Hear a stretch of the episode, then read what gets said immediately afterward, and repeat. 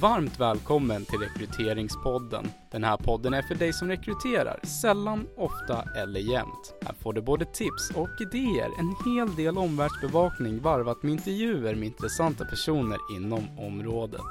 Allt för mer rättvisa och träffsäkra rekryteringar. Hej och välkommen till Rekryteringspodden, du som lyssnar. Jag heter Anki Starfelt kommer från Home Recruitment, det är vi som driver den här podden. Och idag så har jag en gäst med mig, vilket jag är jätteglad för. Och eh, gästen ska få presentera sig själv alldeles strax. Eh, jag vill bara säga det att ämnet idag kommer att handla om att rekrytera eh, bristkompetens eh, med eh, en viss betoning då på sourcing eller research eller vad vi nu ska kalla det för. Det här ska vår gäst få reda ut. Men det här är ett ämne som är efterfrågat. Det är i många branscher idag som man har utmaningar i att hitta kompetens. Och eh, därför så tänker vi att fokus för det här programmet ska, ska vara enbart på det. Så att välkommen, du får presentera dig själv. Ja, tackar. Eh, Sofia Broberg heter jag och jobbar som eh, IT-rekryterare på Bonnier Broadcasting. Just det. Och eh, vilken typ av roller är det som du jobbar med framförallt då? Ja, mitt fokus är ju då på, på IT-teknik så det är främst olika typer av utvecklare mm. och UX-designers. Eh, ja, den typen av roller, produktägare. Mm.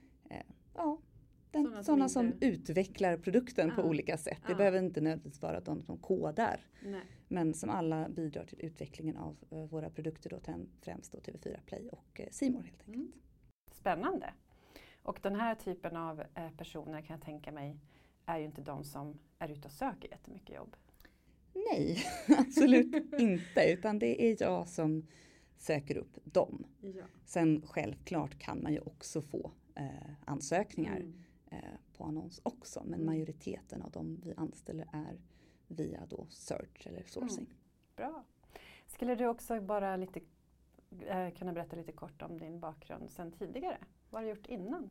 Ja, jag kom in i liksom rekryteringsbranschen för snart är det i oktober tror jag att det är fem år sedan. Mm. Eh, och eh, på ett eh, litet rekryteringsföretag som heter eh, Talangjägarna. Mm. Och när jag kom in i det, jag visste helt ärligt talat inte vad det var egentligen. Utan jag gick på en, en intervju hos dem för en tjänst som säljare. Varpå de tyckte, nej det ska du inte vara. Eh, men du kan få börja här som researcher om du vill. Mm. Jaha, vad är en researcher frågade jag. Vad gör de? Och de berättade vad det var och jag tyckte det lät spännande och, och tog jobbet. Härligt. Eh, det är så jag liksom. Så jag har ingen sån här personalvetarbakgrund eller så. Nej. Utan jag har gjort allt möjligt i mitt liv. Mm. Och nu jobbar jag med rekrytering helt enkelt. Du blev kvar i den här? Jag blev det mm. för första gången i mitt liv ungefär. Du hittade ditt jag kall? Hittat, jag har hittat min nisch. Ja, härligt. Men du, du började ju då som, som du sa, som researcher. Ja. Och eh, tittar man idag i eh, ja, men annonser och, och, titlar på LinkedIn och så vidare inom rekryteringsbranschen och så så tycker jag att eh, de här titlarna är ganska otydliga många gånger. Mm. Det finns ju allt ifrån researchers till sourcers till uh, talent acquisition uh, specialists till, ja men du förstår, ja. det, det, det är en flora av titlar. och det är ingenting som såklart är, är skyddat eller sådär. Men där tänker jag att du skulle få jättegärna börja med att bena ut så som du ser på det här med researcher versus sourcer. Ja, eh, jag har ju tänkt en del på det där och um, funderat, funderat kring liksom, vad, vad är skillnaden? För i Sverige har vi det här ordet researcher och tittar ja. man internationellt så använder de mer ordet sourcer snarare än researcher. Mm. Och jag tänkte på det, är det någon egentligen skillnad mellan de två? Jag funderat och, och jag kommer fram till att jo men det är det nog. För för mig är en researcher, det är kanske det här första jobbet man får inom, inom rekrytering. Eh, där fokuset egentligen handlar på att, att få ihop eh, kanske listor på, på, på eh, potentiella kandidater mm. som man oftast då hittar främst via, via LinkedIn. Mm. Tar kontakt med dem liksom via, via LinkedIn. Man är, man är lite begränsad i var, var man, man letar. Mm. Eh, Medan en sourcer tycker jag är en person som kanske har mer erfarenhet. Troligtvis även jobbat som rekryterare så ha koll på, på den här processen, vad som händer efter att man hittat kandidaten, Mm. efter att man fått in kandidaten i processen. En sourcer är någon som, som eh, för mig är en sourcer ett väldigt, väldigt kreativt yrke och det är därför jag Mm. tycker det är så himla kul. För det, det, man kan alltid hitta nya sätt att hitta kandidater på, nya sätt att ta kontakt med kandidater på, nya sätt att engagera kandidater på. Så en source för mig är liksom en, en researcher on steroids. Härligt. Alltså någon som, som vet att LinkedIn är långt ifrån eh, enda sättet att hitta kandidater på, långt ifrån det bästa sättet att, att hitta kandidater på. En, en, en sourcer eh, kan absolut eh, liksom boolean strings och skriva mer än and, or och not. Liksom kan använda sig av, av fler operators Mm. för att hitta, kan, kan extrahera sig in på sajter, vet kanske till och med jobba med eh, skrapverktyg eller massa olika sätt att hitta och kanske till och med liksom förstå sig på lite kod. Det är en mycket mer teknisk förståelse och liksom roll. Och då menar jag inte att det är en person som måste eh, rekrytera utvecklare och kan kod därför utan Nej. kan kod för att, som, att själv bygga verktyg att hjälpa en i sitt sätt att hitta. Mm. Man kan använda, skapa makron i Excel för att Wow, rensa data och massa. Att man liksom har en lite mer, sen finns det självklart olika nivåer på, på en sourcing person men för mig eh, Research är lite begränsat. Det är det här, det är det man gör, det är det första man lär sig att våga kanske ta kontakt med, Mm. med främmande människor. En sourcer kan det och Mm. vet det och, och hitta, väldigt, väldigt kreativt, väldigt Mm. roligt. På oväntade platser också hitta kandidater. Ja, eller kanske, Mm. inte, kanske inte är så himla oväntade platser Nej. egentligen men att man, man, man tar sig dit där kandidaterna finns. Och, Mm. och LinkedIn, där finns det väldigt mycket rekryterare Mm. som är aktiva. Men jag vet inte hur många av de där utvecklarna som faktiskt är väldigt aktiva på LinkedIn. Mm. Mm. Ja, jag har hört att det är många just när det gäller utvecklare. Nu ska vi inte snöa in bara på utvecklare men jag tänker att när vi ändå är inne på det ämnet så har jag hört att det är många utvecklare som faktiskt har stängt ner sina konton på LinkedIn för att Ja. de är så less på att bli kontaktade där. Precis, så då kan man hitta dem annanstans. Det finns väldigt många också som har en LinkedIn-profil men inte uppdaterar den. Ja. Som har en LinkedIn-profil och liksom knappt har någon information där. Mm. Och så som LinkedIn fungerar, om du skriver in liksom en, en, search, en söksträng och, och får fram dina resultat så får du ju fram kandidaterna överst med egentligen med mest information. Mm. Och de visar inte lika mycket de här kandidaterna som kanske bara har skrivit att de jobbar på ett företag och de är där. Mm. Ingen mer info. Den får man liksom inte fram. Och det kanske är de vi vill åt. Eller hur? Mm. Och det är inget som säger bara för att en kandidat har mycket information på sin LinkedIn-profil betyder det att det är en bra kandidat. Mm. Nej. Det gör det ju inte. Och Mm. bara för att en person har lite betyder det att det är en dålig. Nej. Mm. Så att just det där att, att ehm, ja, det finns väldigt många olika eh, saker på, på LinkedIn om vi pratar om det. Så. Men om man tänker då rent generellt, eh, nu ska vi komma in på de, alla de här delarna lite mer specifikt också, men jag tänker om man nu sitter ute någonstans och ska rekrytera bristkompetens. Det Mm. kan ju vara utvecklare men det, det finns ju Andra brist också. inom Absolut. många yrken idag, många branscher idag. Eh, om du bara ska ge sådana här tips, eh, bastips till vad behöver man tänka på just när man sitter och faktiskt ska, om vi säger nu sourca då, kandidater? Ja men leta där, där kandidaterna finns. Mm. Visst, om jag skulle leta, som jag nämnde, en rekryterare Mm. som kanske också kan vara en form av bristkompetens Ja, det ibland. är det ju faktiskt. då, det då skulle jag absolut använda mig av LinkedIn. Mm. För du, kanske, du vill inte ha en rekryterare som inte finns på LinkedIn Nej, i det här fallet. nej. Men är det utvecklare då kanske jag ska leta liksom var, var finns de? Och då kan jag kolla kanske med, med teamet, liksom, var brukar ni hänga på nätet? Liksom, Mm. Vilka forum finns ni i? Mm. Och där leta. Och är det någon annan typ av bristkompetens man, man letar efter? Fråga då teamet som, som man letar till. Var, var brukar ni? Var liksom, hänger ni socialt på nätet? Mm. Och det kan ju vara egentligen vart som helst. då. Precis, i forum. Och jag kan ju inte alla branscher, men just branschspecifika forum. Ja. Eh, som, ja, vad det nu kan vara. Sen så LinkedIn absolut också. Mm. Men jag tycker att, att jag upplever det i, i Sverige speciellt, och andra länder också, att det är så himla mycket fokus på liksom, kandidaterna på LinkedIn. Mm. Och de blir ju bombade liksom, av rekryterare. Ja. Ehm, så det är ju mycket roligare att hitta de som inte finns där. Och, och kanske till och med lättare. Kanske inte lättare att hitta dem. Men lättare att, att få, med, få dem på kroken. För de är inte lika eh, påpassade. Nej, just det. Men om vi, vi ska ta det spåret alldeles strax tänker jag. Men om man tänker om vi börjar med LinkedIn då. Mm. Vilka är dina bästa LinkedIn-tips? Så personligen så, jag använder LinkedIn självklart men jag startar väldigt sällan min sökning där. Utan jag letar i de här andra specifika forumen som, som finns där det passar. Och sen kanske jag stämmer av det sökresultatet på LinkedIn. Och då kanske den visar sig att den här personen har en sån där väldigt bristfällig eh, profil. Ja precis, att det bara står jag jobbar idag på företag X. Och så står det ingenting mer. Men då vet jag, men då är den där, då tar jag kontakt med den för den har visat på andra delar att den har rätt kompetens och intressen. Så, Mm. eh, så, så mitt LinkedIn-tips är väl egentligen att komma ihåg att LinkedIn inte är allt. Mm.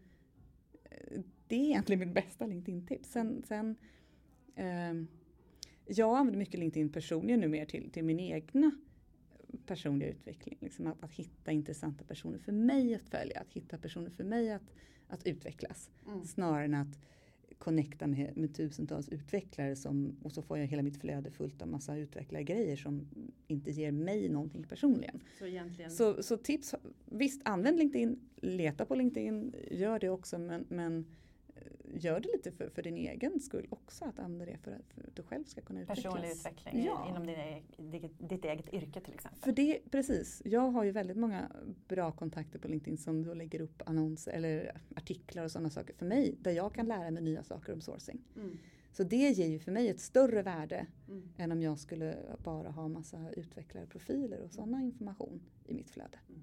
Om du hittar någon på LinkedIn då? Vad, eh, alltså hur kontaktar du den personen?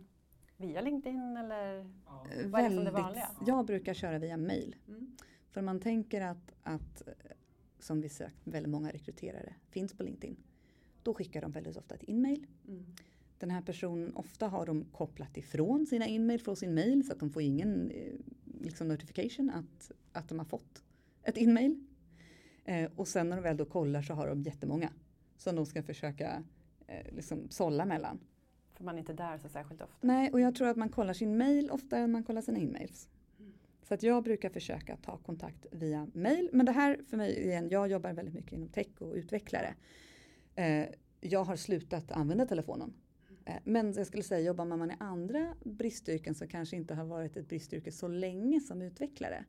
Där de inte är lika liksom, påringda som utvecklare. Absolut, lyft på luren, ring människan. Mm. Ehm, bara för att jag inte använder telefon betyder inte att det inte är rätt för, för andra. Jag tror inte att det är det, det bästa verktyget när man ska nå utvecklare. Nej. Men det kan absolut vara helt rätt verktyg om du ska få tag på en, en säljare eller vad som helst. Det kanske funkar bättre med telefon där. Mm. Och, och även där testa olika sätt. Håll dig liksom inte till, ja men jag skickar alltid in så jag gör det. Testa ringa. Det kanske funkar så får du själv skapa en uppfattning om att det funkar. Jag har ringt väldigt mycket och när jag började för fem år sedan då funkade fortfarande att använda telefon för utvecklare. De svarade. Saker och Sen- ting utvecklas. Sen slutade med att jag kunde ringa hundra samtal på, på en eftermiddag och inte få ett enda svar. Mm. Då gav jag lite upp att använda telefonen. för det kändes inte då att se ett mervärde heller i att använda e-mail. För där får jag en mycket, mycket högre svarsfrekvens. Och hur hittar du e-mailadresserna då? För det är ju inte alltid de ligger ute på LinkedIn till exempel. Nej, men det finns väldigt många olika, olika verktyg som finns. Olika typer av Chrome extensions man kan använda sig av till sin hjälp. Och man Mm. kan, ehm, Har du något exempel, någon konkret vad de Eh, heter? det finns eh, Numeria eller Contact Out eller Hunter eller ja, eh, Lusha eller det finns väldigt många olika. För att hitta telefonnummer då? Mm. Ja, det är för mejladresser. Telefonnummer hitta.se liksom, eller Ja. Eniro. Det, det, det, inte brukar funka. Nej, Beroende faktiskt inte. Mm. Ehm, men, men jag skulle säga testa. Märker man att man aldrig, att man, om man sitter med en, en typ av roll, vad det är, vilken typ av bristkompetens det är. Och man testar ringa personerna och aldrig får svar, men testa något annat då. Mm. Precis. Men vad, eh, om vi lämnar LinkedIn då eftersom att det som sagt eh, är väl kanske för många idag kanske Mm. inte den absolut bästa kanalen. Nej. Eh, vad, vad, för du sa ju det innan att ja, men då kan man fråga de som har det här yrket. Mm. Var hänger du någonstans? Men jag tänker så här, kan du ge något konkret exempel på kanske så här lite Jaha, är det dit man ska gå? Alltså att du själv har upplevt. Jag är ju min egen lilla, lilla värld av utvecklare som sagt. Jag, jag tittar väldigt mycket på, på Meetup. Ja. Eh, om det är olika grupper. Det kan säkert finnas meetupgrupper. Meetupgrupper är ju för olika intresseområden. Mm. Så det kan ju absolut finnas meetup för andra yrkeskategorier också. Mm. Mm. Eh, så meetupgrupper, där ser man ju vilka som är medlemmar och sådana saker. Så det Mm. går väldigt eh, bra. Eh, Facebookgrupper. Mm. Grupper, för jag, förut fanns det väldigt mycket grupper på LinkedIn. De finns fortfarande men vi ser en väldigt, eh, folk använder sig inte lika mycket av LinkedIn-grupper längre utan de här grupperna har flyttat mer till Facebook. Mm.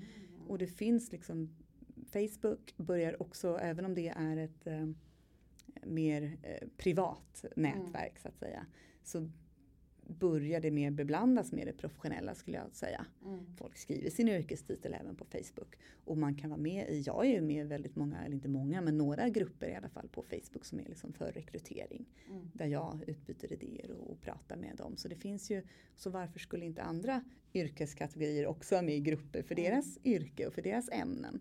Eh, så hitta de eh, grupperna och, och leta, får en massa namn på personer. Mm. Eh, och jag menar om man tittar på antalet användare på LinkedIn, jag har inte siffrorna här nu, och antalet användare på Facebook. Så är det väldigt, väldigt, väldigt många fler användare på Facebook Mm. än vad det är på LinkedIn. Och hur reagerar folk då rent generellt tänker jag när man blir kontaktad av en rekryterare eller en sourcer på Facebook då till exempel där man kanske inte alltid förväntar sig det. För att på LinkedIn så är det någonstans givet att där kan man ju bli kontaktad. Igen så brukar jag ju ofta mejla personerna. Ja. Så jag brukar inte kontakta dem Du hittar heller dem på där. Facebook. Jag hittar dem där men tar Mm. kontakt med dem på mejl. Samma sak, jag kanske hittar dem på LinkedIn men jag tar kontakt med dem via mejl. Mm. Så var jag än hittar dem så brukar jag mejla dem istället. Eh, och kanske berätta var jag har sett om dem, var jag hittat dem. Jag har sett att du är med i den här gruppen. Liksom det, Mm. det, det visar ett intresse för det här ämnet som det passar oss. Och sådana. Mm. Eller det är det vi gör Mm. eh, så att det funkar. Så det handlar just om att hitta dem i olika forum. Och, och det finns, om man tittar på utvecklare finns det liksom GitHub och Stack Overflow och sådana Ja. saker också. Eh, men igen, om vi inte ska prata för mycket utvecklare, men det är min värld. Ja. Ehm, att man hittar de här forumen som finns för andra. Och, och jag vet, jag pratade med någon någon gång som satt och som eh, rekryterar för, för sjuksköterskor och läkare och sånt. Mm. Då har de upptäckt Instagram. Sjuksköterskor instagrammar som bara den. Mhm. Så ut på Instagram med era annonser och synas. För för mig också, det handlar ju både om att, att ta kontakt med dem men det gäller ju också att få dem att, att så, i största möjliga mån också komma till dig. Ja. Och om man då finns i de forum där de Mm. är, inte nödvändigtvis bara för att leta men också för att synas. Mm. Som då synas på Instagram med sina saker. Liksom, Mm. så att de eh, lär känna en bättre och så. Och apropå det då, jag tänker att synas på Instagram och så vidare och sen mejlar du ofta dina kandidater eller potentiella kandidater.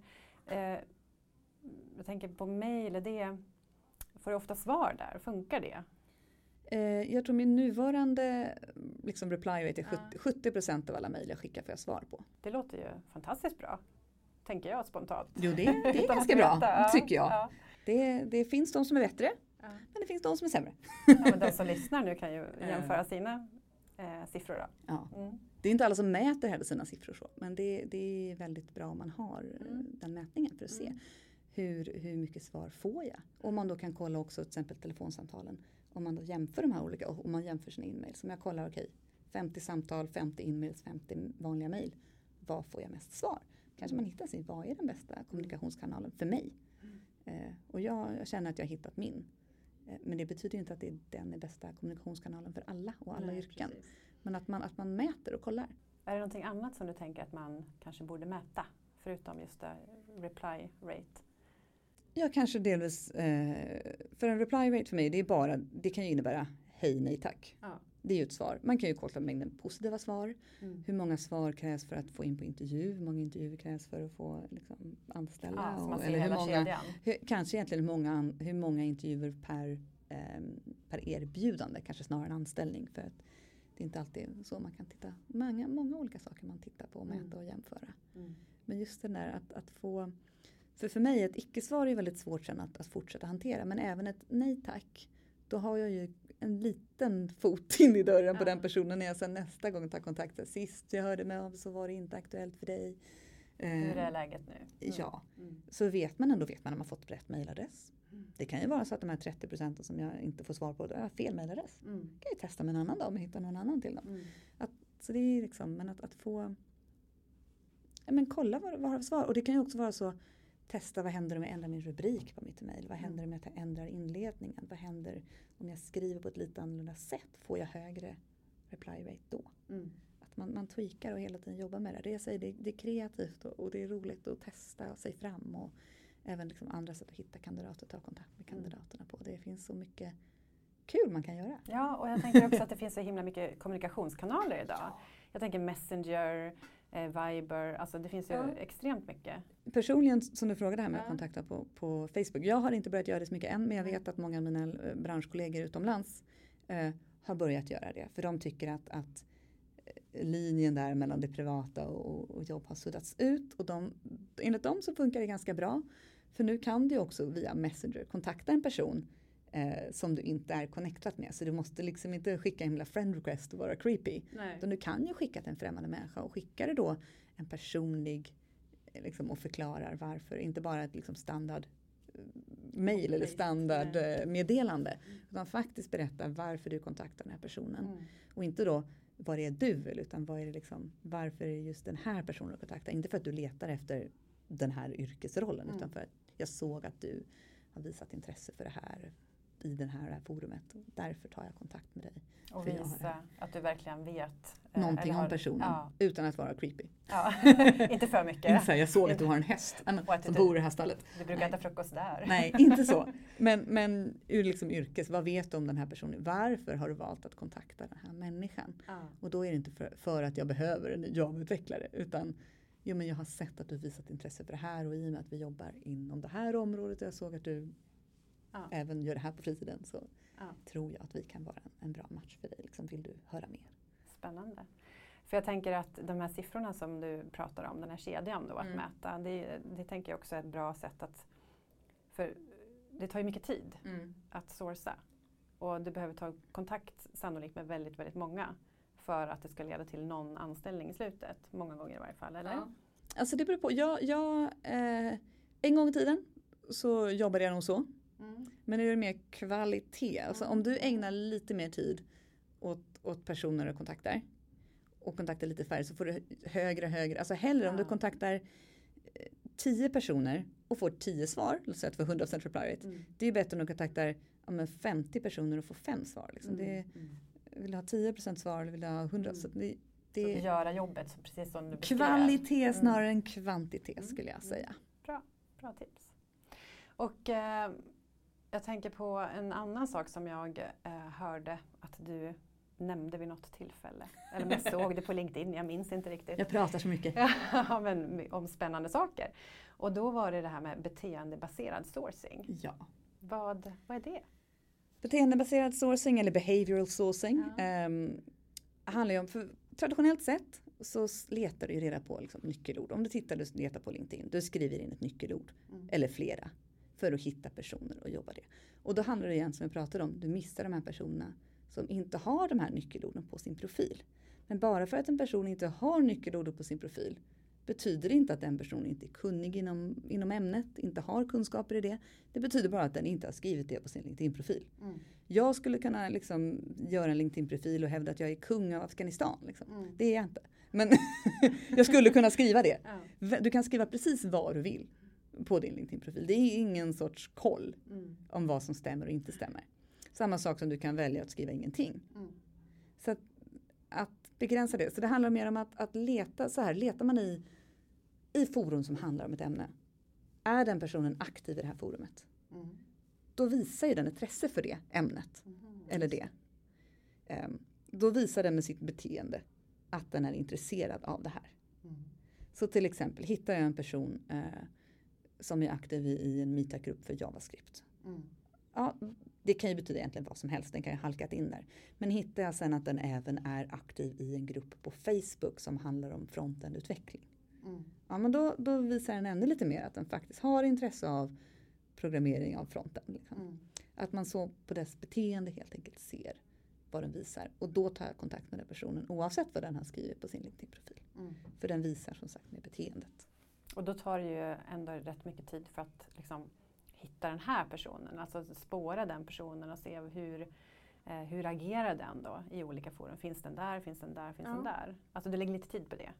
Ja, det måste man göra. Ja. Sen så finns det väldigt mycket roliga verktyg och sånt som kan Ja. hjälpa till så att det inte tar så mycket tid. Man jobbar, liksom, jobbar, mer, man jobbar helt enkelt mer datadrivet, att titta Mm. på datan som finns om personen. Snarare än att titta på vad har den själv skrivit på. Den personen kanske inte ens finns på LinkedIn. Det är ju också en, en möjlighet. Mm. Så att mer titta på människors beteenden på internet än vad de själva har skrivit på sin LinkedIn-profil. Mm. För det, som sagt, du kan välja att skriva hur mycket du vill eller lite du vill. Du kan hitta på totalt vad som helst. Så det behöver inte ens stämma det som står där. Nej. Eh, och eh, jag tänker just kring de här verktygen som du var inne Mm. på, jobba mer datadrivet. Har du några andra tips där? Du nämnde ju några här för att kunna hitta eh, mailadresser och sådär. Ja, nej men I dagsläget använder jag mycket data miner för Mm. att, för att liksom hitta informationen på hemsidor, på Mm. webbsidor och, och få ner det i ett mm, formulär, eller man kan säga, hjälpligt format. Mm. Att använda, sen finns det ju, man kan liksom Excel man använder, man har listor och sådana saker. Man kan manipulera och hantera datan på olika sätt. Och det kan man göra via makron och liksom massa Mm, olika mm. funktioner eller Google Sheets. Eh, man kan bevaka Twitter-hashtag med hjälp av IFT eller man kan göra massa olika Mm. intressanta saker. Det finns så mycket och det är så svårt tror jag bara att slänga ur massa ja. ord och, och saker här. Mm. Nej, men det är jättebra för Mm. jag är säker på att de som lyssnar får jättebra tips att ta med sig. Ja, Mm. hoppas det. Eh, någonting annat då som eh, du har sett? Jag, jag vet ju att du var ju till exempel, var det i Amsterdam eller? Ja, på Sourcecon Ja. i, Amsterdam. Ja, här i förra året? Eller var Det var i juni, det var i juni så det var inte så länge sedan. och då var du där och pratade. Nej, då var jag där som, som gäst. Då var det det som är Nästa år ska jag dit och prata. härligt. Men i år var jag inte, då var jag allmän gäst Ja. bara. Och lyssnade på alla andra fantastiska talare som finns. Och det var ju då en internationell Ja, Sourcecon är, är ju en konferens för sourcers helt Ja. enkelt som, som startar i USA Mm. och har regelbundet stora konferenser i USA. Eh, men nu i år var första gången de då kom till Europa. Och det tycker jag liksom saknas lite här i rekryteringscommunity i, i Stockholm. Det upplevde jag i alla fall när man jobbar på rekryteringsföretag. Mm. Det är väldigt mycket, här, nej vi ska inte avslöja våra hemligheter hur vi jobbar, ingen annan ska få veta, jag ska inte säga till någon. Mm.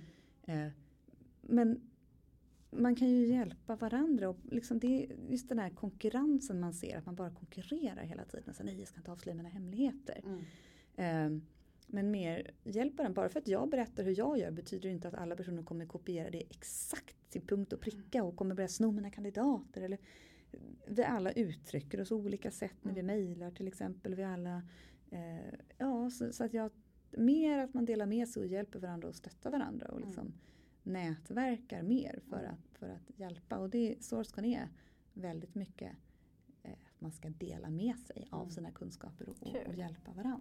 Det rimmar ju väldigt väl med hur vi tänker också på Ja. Homer Recruitment. Att det är bättre att fler blir bättre på det här. Ja, vi är Eh. faktiskt på, i startgroparna här med att skapa en liten eh, Sourcecon Local Chapter också. Ah. Så det kommer nog kanske vara en liten eh, meetup i, i Stockholm. Mm. Eh, en Sourcecon meetup. Men då kanske man ska connecta med dig då på LinkedIn, Ska man alltid göra. Sofia Broberger. Så att man får eh, information om det tänker jag, Precis. när det börjar bli dags. Men när du var då på den här eh, Sourcecon i Amsterdam, Mm. var det någon, några speciella trender eller någon, någon spaning som du vill bjuda på därifrån? Nej men Eller det är mycket mer att man liksom ska gå bortom nyckelorden Ja. och jobba med just se på hur folk beter sig på nätet och vad det är de gör och, Mm. och gå på det. Så mycket mer så. Eh, jobba beteendebaserat helt enkelt istället Mm. för nyckelordssökningar. Mm. Sen kan man ju kombinera båda. Jag menar inte att det ena utesluter det andra men att man liksom jobbar bredare. Mm. Eh, var en del snack om lite olika, olika verktyg och väldigt mycket också snack om, om hur, hur man tar kontakt. Att det gäller att liksom vara, vara mänsklig Mm. i, i sin kontakt med kandidaterna. De sa, det är allt det här snack om AI och sådana saker, om att robotarna tar över våra yrken. Och de sa ju liksom behave like a robot, be replaced by a robot. Mm. Så gör man de här, söker på LinkedIn, hittar folk med rätt eh, nyckelord och skickar iväg ett e-mail till alla de som har rätt nyckelord. Ja, det kan en robot robot. göra. Då är du ersatt. Mm. Men hitta det här, ta den personliga kontakten, förklara varför är det just dig jag liksom tar kontakt med. Vad, är det, vad tror vi, vad har vi erbjuda dig, vad kan du hjälpa oss med? Den, det tror jag inte att en robot kan ersätta. Nej. Så det var ju liksom Be Human var hela mm. konceptet. Liksom, var, var mänsklig, inte mycket roligare också. Ja, mm. um, så det var ju väl kanske temat på hela. Mm. Uh, och sen i maj ska jag då åka och tala på Sourcecon i Amsterdam igen. Så det är väldigt mycket Amsterdam närmsta tiden. Uh, och då har jag inte riktigt bestämt vad jag ska prata om. Uh, men troligtvis blir det uh, någonting inom automatisering. Mm. Att liksom hjälpa som du säger det här att det tar väldigt mycket tid att hitta de här ja, kandidaterna. Ja. Men det finns väldigt många delar av det som man kan automatisera. Mm, mm. Så att man får tiden att liksom, ta hjälp av de här robotarna istället. Ja. Och få ägna tiden åt att vara mänsklig mm. med kandidaterna. Istället. Vi håller de roliga delarna ja. för oss själva. Eller jag tror snarare att, att robotarna tar inte våra jobb utan de kommer och hjälper oss. Eh, så Verkligen. att vi kan göra eh, mer mänskliga delarna. Mm. Håller med. Bra! Är det någonting annat då som du tänker att du skulle vilja berätta om? Som jag har glömt att fråga om kanske?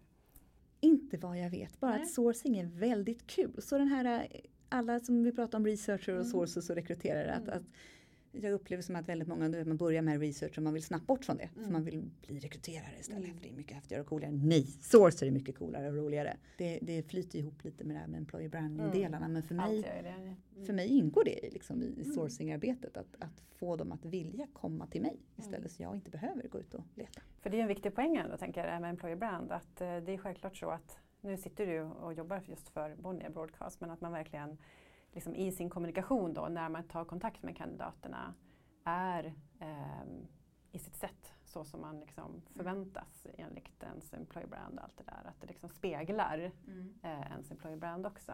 Så att det inte blir det här robotliknande eller, lik eller annat. Precis. Mm.